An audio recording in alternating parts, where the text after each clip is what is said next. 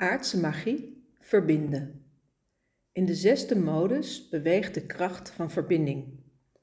Het is een van de nieuwe modi die de mens tot haar beschikking heeft.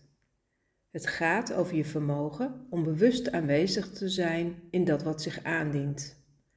Het maakt gebruik van je vermogen om te voelen via verbindingen en van daaruit te kunnen zien of weten wat er zich afspeelt. Hoewel ieder mens vanaf het moment van geboorte gebruik maakt van verbindingen, heeft het overgrote deel van de mensheid geen enkel idee hoe deze verbindingen al dan niet tot stand komen.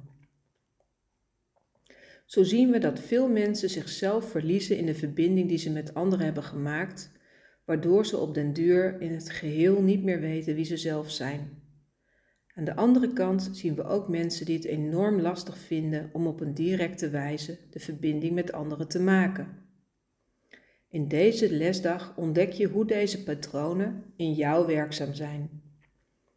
Voor de meesten zeer herkenbaar en bevrijdend eindelijk zicht te krijgen op dit wezenlijke aspect wat je tegenkomt in het maken met contact met alles en iedereen om je heen.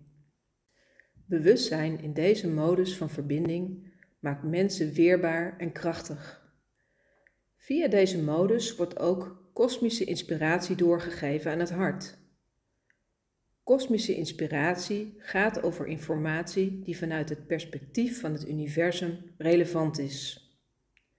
Het is via deze modus dat de mens zijn of haar kosmische bestemming kan aanvoelen en uitvoeren.